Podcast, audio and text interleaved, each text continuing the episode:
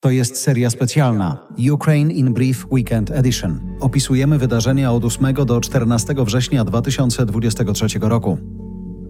Korea Północna popiera wszystkie decyzje Rosji. Taka deklaracja miała być początkiem rozmowy Putina z Kim Jong-unem. To pierwsze takie spotkanie od 2019 roku. Północno-koreański dyktator przyjechał do Rosji opancerzonym pociągiem. Stwierdził, że relacje między krajami mają strategiczną naturę. W czasie rozmów przekonywał, że rosyjska armia wygra w Ukrainie. Oficjalnie głównymi tematami miały być współpraca gospodarcza i wymiana kulturalna między krajami. Rzecznik Kremla przyznał jednak, że nie wszystkie tematy rozmów są jawne. Według szefa wywiadu wojskowego Ukrainy to spotkanie wiąże się z dostawami północno-koreańskiej amunicji dla rosyjskiej armii.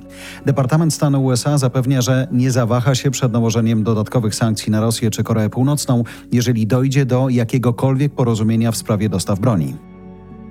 Ukraina poważnie uszkodziła dwa rosyjskie okręty. Celem ataku rakietowego była stocznia marynarki wojennej w Sewastopolu na okupowanym przez Rosję Krymie. W stoczni sewastopolskiej budowane i naprawiane są okręty rosyjskiej floty czarnomorskiej.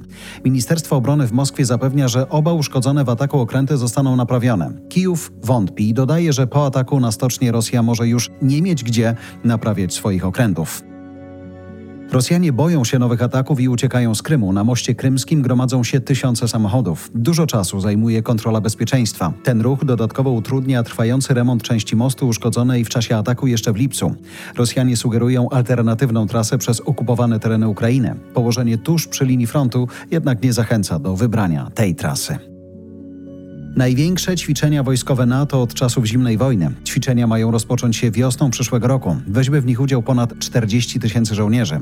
Będą w Niemczech, w Polsce i w krajach bałtyckich. Chodzi o przećwiczenie odparcia potencjalnej rosyjskiej inwazji na jednego z sojuszników, pisze Financial Times. Nowa strategia szkoleniowa przewiduje dwa duże ćwiczenia w ciągu roku zamiast jednego takiego ćwiczenia. Kreml przeprowadził pseudowybory na okupowanych terenach Ukrainy. Najwięcej miejsc w nowo powstałych dumach mają zająć, jak można było się domyślić, członkowie partii Władimira Putina. Jedna Rosja podała, że wygrała wybory z miażdżącą przewagą. Miała zdobyć co najmniej 70% głosów. MSZ Ukrainy i Unia Europejska ogłosiły, że nie uznają wyniku takich wyborów. Te fikcyjne wybory nie zmienią naszego podejścia ani naszego wsparcia dla Ukrainy, która walczy o odzyskanie swojego terytorium uznanego przez społeczność międzynarodową, piszą przedstawiciele państw państw G7.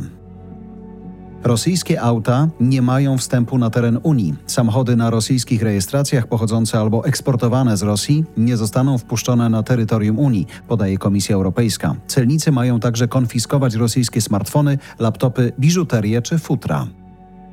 Rekordowo duży diament wydobyty w Rosji. Firma Alrosa, kontrolowana przez rosyjski rząd, poinformowała o znalezieniu największego w Rosji diamentu od ponad 10 lat. Kamień waży ponad 309 karatów.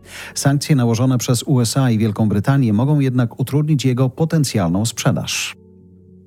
To była seria specjalna Ukraine in Brief Weekend Edition.